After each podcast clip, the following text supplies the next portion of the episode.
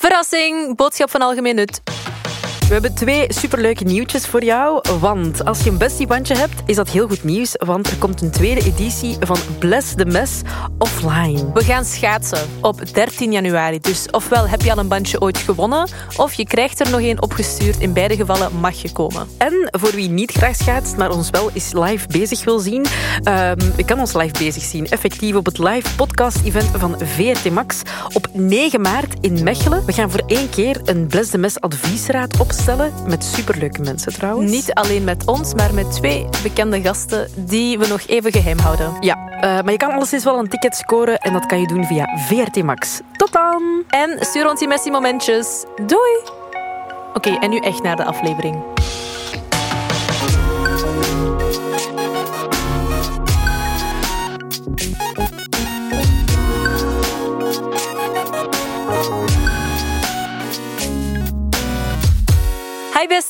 Hey besties. Ik ben Anoushka. En ik ben Kouter. En je luistert naar een gloednieuwe aflevering van Bless the Mess, de podcast. Welkom. Yes. Uh, dit is een podcast over de dingen des levens, dingen die we meemaken, die we, dingen die we leren, die we geleerd hebben en die we nog zullen leren. En die delen we dan met jou, waar jij dan misschien iets mee kan doen. Mm -hmm. Meestal is het iets herkenbaar. Ja, en het is ook altijd echt wel superleuk om jullie reacties te lezen. Als jullie, als jullie relaten of als jullie nog iets willen toevoegen aan het gesprek, dat is altijd super welkom. Ja, die ene aflevering die hebben we gemaakt, die hebben we gemaakt. Die we hebben gemaakt over sparen was blijkbaar echt super populair. We hebben heel veel berichten gekregen van uh, besties die zeiden dat ze het ook moeilijk vonden of door de bomen het bos niet meer zagen of omgekeerd. Ik, ik weet ook nooit hoe dat de uitdrukking Misschien gaat. moeten we dat nu voor eens door de, altijd... Door het bos de door het bos de bomen niet meer zien. Of door de boom. Ik weet door het niet. Het, het, het makes sense. Either way, vind ik. De geëikte uitdrukking is door de bomen het bos niet meer zien. Ah ja, oké. Okay. De betekenis is door te veel op details, de bomen te letten, het geheel het bos uit het oog verliezen. Ah ja, door de bomen het bos niet meer zien. Oké. Oké. Okay. Voilà. Dat weten we dan ook weer. Goed, dat was ons research momentje dan. Um, we moeten weer een messy moment ja. delen. Heb jij er eentje van deze week? Uh, ik kan er kiezen uit een paar. Oké. Okay. Ik zal misschien de meest... Mm, moeilijk. Oké, okay. kies links of rechts? Um, links. Oké. Okay. Um, dus ik heb altijd een neussprayverslaving. Als ik, een neussprayverslaving? Als ik ziek ben geweest, ben ik... Ik heb trouwens... Hier komt een wetenschapper goed terug. Um, je, kunt, je bent niet verslaafd aan neuspray, maar je wordt er afhankelijk van. Het is niet dat je lichaam daar een, zo zegt van... Ik heb nu even een shot neuspray nodig. Maar dat is gewoon je neus dat eraan gewend raakt, uh, aan gewend raakt, waardoor dat je altijd denkt... Ik moet, ik moet even. Mm -hmm. Maar het is niet zo die kick van... Ah. Ja. Um, maar dus ik gebruik heel veel neusspray wanneer ik ziek ben, omdat ik er niet tegen kan als ik niet door mijn neus kan ademen. Maar dan blijf ik dat gebruiken, omdat mijn neus daaraan gewend raakt. Mm -hmm. En ik dacht vandaag, oh, ik ben er vanaf. Maar mijn neus zit terug een beetje toe. Oei, maar dat is dan misschien beter dat je afkikt van de neusspray, want anders gaat je neus toch dicht blijven. Ja, ik krijg dan dus andere neusspray voorgeschreven die mij dan helpt afkicken ervan. Ah. Dus ik heb die thuis liggen, maar ik heb hem tot nu toe nog niet moeten gebruiken. Maar okay. ik denk dat vandaag de eerste dag wordt. Nice. Ik kan niet tegen neusspray. Wat? Mijn neus bloedt daarvan. Ah. Dus ik gebruik dat nooit. Hoe komt dat? Dat weet ik niet. Ik denk dat ik allergisch ben aan iets wat daarin zit of zo. I don't know. Oh, wauw. Maar dan denk ik ook, wat de fuck zit er in neusspray dat je neus daarvan begint te bloeden? Ja, ik weet ook niet hoe dat, dat komt, maar ik gebruik dat niet. Ik heb dat één keer gebruikt en mijn neus reageerde daar heel slecht op. En dan zei Eén keer dokter, in heel je leven en je hebt, af, en je hebt gestopt? Ja, de dokter zei, moet je dat misschien toch beter niet gebruiken. Heb je verschillende neusspray geprobeerd? Maar ik, ik, voel ook echt geen nood om neussprayen te gebruiken in mijn leven eigenlijk. Wow, I can't relate. Wow. Ik heb echt niet... Als ik een, een verstopte neus heb, dan sluit ik dat wel gewoon. Maar daar komt... Dat is toch gewoon vast dan? Ja, maar dan... Ik, ik heb ook niet En je ademt met je mond en je, en je tong is dan droog en je mond is dan droog. Ik heb niet heel snel een verstopte neus. Amai, what is, Dus it, I'm good. what is it like to be God's favorite? Um, I can tell you I'm not God's favorite. I think I'm God's most unfavorite Dat child. is niet waar. Absoluut niet waar. Um, anyway. Anyway. We moeten nog een bestiebandje uitdelen ook, toch? Oh ja, zeker wel. Want uh, je weet het of niet, maar um, we hebben weer een Bless the Mess offline event. Op 13 januari gaan we schaatsen in Mechelen. Ja, dat klopt. Ik was even vergeten of we dat al hadden gezegd, maar dat is Ja. zo. Ja. Dat is zo. Ja. Even zo paniek. Ehm, we beseffen ook ineens door eh, een bestie die ons, die het ons heeft doorgestuurd dat het dan blijkbaar nog blok is. Ja, sorry. Sorry daarvoor. We hebben nog net gecheckt of dat we het konden veranderen van datum, maar het, het Het gaat- gaat niet. Het gaat niet. Maar niet getreurd, want er komen echt wel nog andere momenten aan. En je kan ook altijd een ticketje kopen voor het podcast-event, waar je live kan komen kijken naar een opname. En het gaat superleuk zijn. Want er gaat, we gaan een Bless the Mess ehm, advies. adviesraad opstellen met twee bekende mensen die nu nog onbekend zijn, maar die je sowieso echt zalig gaat vinden. Ehm, en dat gaat super tof worden. Je gaat je eigen vragen kunnen stellen. Het wordt Ja. superleuk. Dus als je niet naar ons offline event kunt komen, dan kan je wel naar Blessemes live Ja. komen. Absoluut. En een event komt er sowieso ook wel nog eens een andere keer aan. Dat beloven we. Wink, wink. Fingers, nee, niet fingers crossed. Ehm, ik wil gewoon zeggen beloofd. Pinky promise. Pinky promise. Ik was aan het tekenen alle vingers op mijn hand. Ik dacht eerst thumbs up en dan dacht ik, nee, dat is het niet. Pinky promise. Ehm, Oké, dus degene die een Mess bandje krijgt en ook, ehm, Mee mag komen schaatsen. yes, is Nisreen die echt een heel boek geschreven heeft. Ach, waarvoor- ja, thank Er zijn ook mensen die ons echt voice messages sturen naar elkaar. Love it. Ja, please, give us all the tea. Dit is leuk. Um, Nisreen laat weten dat haar messiemoment van deze helse week... ehm, ja, gewoon eigenlijk een helse week, dus ze heeft een soort van opsomming gedaan van wat er op elke dag al gebeurd is. Ze had zaterdag een trenchcoat gekocht, die ze maandag voor de eerste keer aan wilde doen. Ze vertrekt naar het werk, ze rijdt haar oprit af en de riem van haar nieuwe jas is in haar fiets blijven hangen. Dat is echt pijnlijk. Waardoor ze dus dramatisch traag op de grond valt voor een volle baan. Ze geraakte ook niet recht, want ze ging vast. En uiteindelijk eh, ja, moest ze geholpen worden en heeft ze 30 euro bij de fietsenmaker moeten betalen omdat de riem van de jas in de motor was beland. De riem is oké. Dus dat is al goed. Eh, en dan. Dinsdag ging ze voor de eerste keer ooit thuiswerken, eh, want ze werkt nog maar twee maanden. ehm, en ze heeft koffie laten vallen over al haar papieren. Dus ja, ze moest dan toch naar het werk gaan. Dat klinkt inderdaad als een, de start van een Messi-week. Dus Nisreen, jij krijgt een Messi-bandje, je verdient het 100%. De aflevering van vandaag gaat over ehm, elkaar begrijpen. En dat is het. en dan alles wat eronder valt. Ja, Het komt een beetje voort uit de vorige aflevering die we met Oski hebben opgenomen, omdat hij het daar op een gegeven moment over had. En eh, we dachten, ja, dat is misschien wel een goeie om het nog eens over te hebben. En jij kwam met het ehm, ding van eh, waar, wa- vanaf wanneer trek je de grens tussen begrijpen en people pleasen? ja en zo jezelf op aan de kant zetten, Ja, denk ik ik. denk dat je daar meer over moet vertellen. Wel, maar ik denk gewoon omdat... Ja, ik ben sowieso van nature een beetje een people pleaser, denk ik. Ehm, dus ik, ik heb... Denk ik. ik doe graag... eh, ik doe graag dingen waarvan ik denk dat mensen willen hoe ik ze doe. Zodat mensen mij leuk vinden. Dat is eigenlijk gewoon allee, al heel zwart-wit voorgesteld even, want zo eh, makkelijk is het natuurlijk niet. Maar dat, dat doe ik wel heel vaak. Maar ehm, dat komt soms ook wel... eh, allee, dat gaat ook wel soms een beetje gepaard met... Ik denk dat... Stel, je zit in een eh, relatie, vriendschap, romantische relatie, maakt eigenlijk niet uit. Of zelfs tegenover je ouders of collega's. Kan eigenlijk echt in eender welk ding. Eh, en het gaat bijvoorbeeld minder goed in die persoon zijn leven.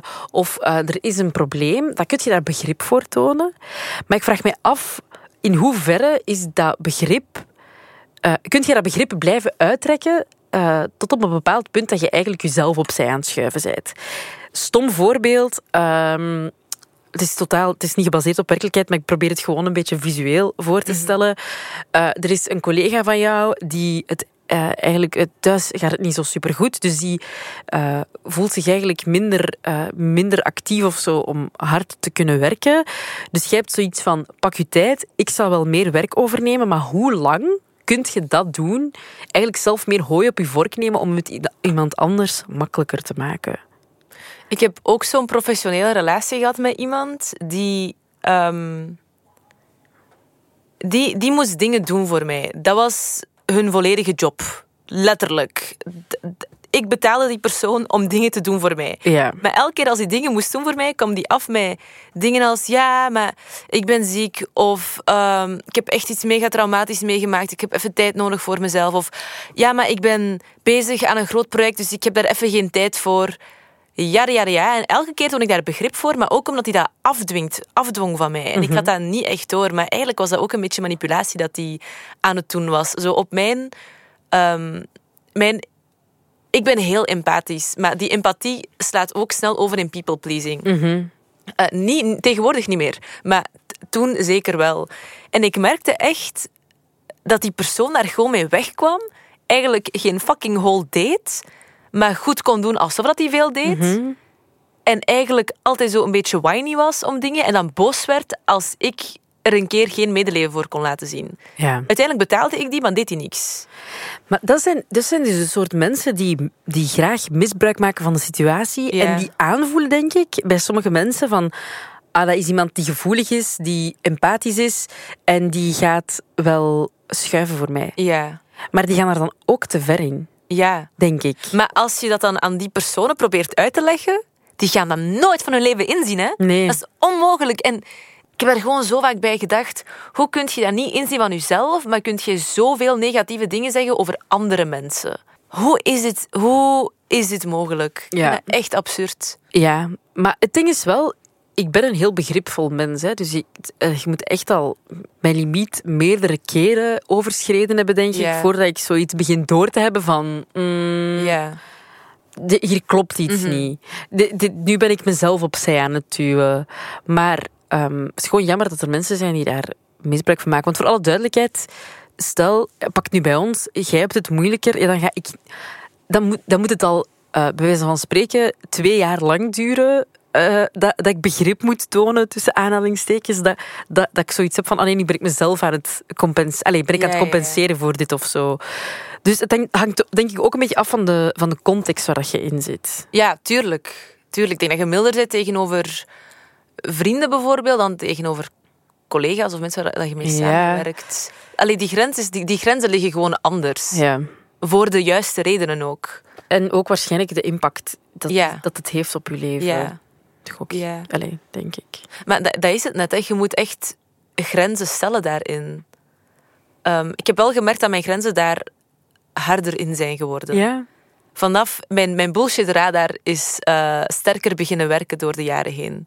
En daar ben ik wel trots op dat ik dat zo kan doen. Maar ook zo, ehm, ja, in, in alle soorten relaties. Dat als ik eh, bijvoorbeeld, ik kan begrip tonen, maar er is, maar van zodra dat ik merk van, dit is eigenlijk iets dat ik niet wil, of dit dient mij niet op geen enkele manier, dan zeg ik dat ook en dan ja, ben ik daar gewoon heel transparant in. Van kijk, ik snap u, ik begrijp het.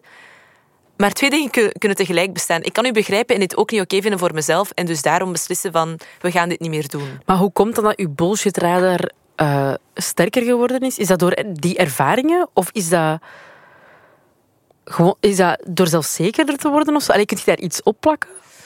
Ehm, ik denk door het vaak genoeg mee te maken en vaak genoeg te voelen hoe dat ik mij voel. Dus niet goed. Ehm, mij machteloos voelen daarbij. En ik haat het om mij machteloos te voelen. Dat is echt een van mijn triggers. Vanaf dat ik het gevoel heb dat iemand een soort van autoriteit over mij begint uit te oefenen in een situatie waar dat niet eens toepasselijk is, maar over het algemeen kan ik daar niet mee om, dan ja, dat zet, mij, dat zet mij zo precies blok. En ik wil mij zo niet voelen. Maar het is niet omdat je iets meerdere keren meemaakt dat je daarom direct, direct eruit leert en je grenzen stelt. Nee, nee. Zeker niet als dat voortkomt uit vorige trauma's, want people pleasing is een traumareactie. Ehm, wat mij daarbij heeft geholpen is, eh, dat is eigenlijk maar sinds een paar een, een maand of twee dat ik dat echt zo heb. Ik ben naar een nieuwe therapeut beginnen gaan en zij is heel hard met mij aan het werken aan grenzen stellen. En sindsdien ben ik me daar heel bewust van. Zij zegt ook van ja, twee dingen kunnen tegelijk bestaan, maar je moogt kiezen voor jezelf in die situaties. Waarom zou je kiezen voor iemand anders?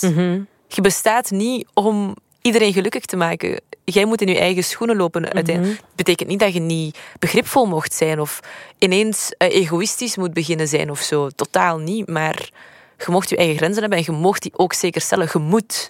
Je moet jezelf beschermen. Ik ben daar soms moeilijk mee, maar soms ben ik bang dat ik dan een egoïst ben. Maar niet, niet dat ik vind dat als je dat doet, dat je een egoïst bent, maar de, over op mezelf. Maar dat is denk ik omdat je vroeger of zo, of vaak in situaties bent terechtgekomen waarbij dat, dat u werd verweten, of waarbij dat dat mensen kan. over uw grenzen heen zijn gegaan en als, dat, als ze merkten dat het niet ging, dat ze je een schuldgevoel hebben aangepraat. Ja, dat kan, dat kan. Maar dat voelt zo alsof dat als ik bijvoorbeeld... Ja, of dat ik eh, een onbegripvol mens ben of zo. Of dat ik... Ja, ik weet niet. Egoïsme is het eerste dat dan in mij opkomt. Wat raar is, hè? Dat, zo, dat, dat voor mij zo voor jezelf kiezen, dat dat daaraan gelijk wordt gesteld. Maar ik denk dat je pas egoïstisch bent als je in elke situatie altijd alles naar uw hand zet. En altijd het op on your terms moet zijn. Op, je, op uw voorwaarden en niet op die van anderen. Als je totaal nooit flexibel kunt opstellen. Mhm. Of als je altijd denkt, mm, ik heb geen zin meer, ik ga nu afzeggen. Of dit komt mij plots niet meer uit, ik ga alles afzeggen, omdat, zodat het mij wel beter uitkomt. Ja, ja. Een ander ding waar ik aan denk bij het onderwerp begrijpen is um, dat niet iedereen alles kan begrijpen.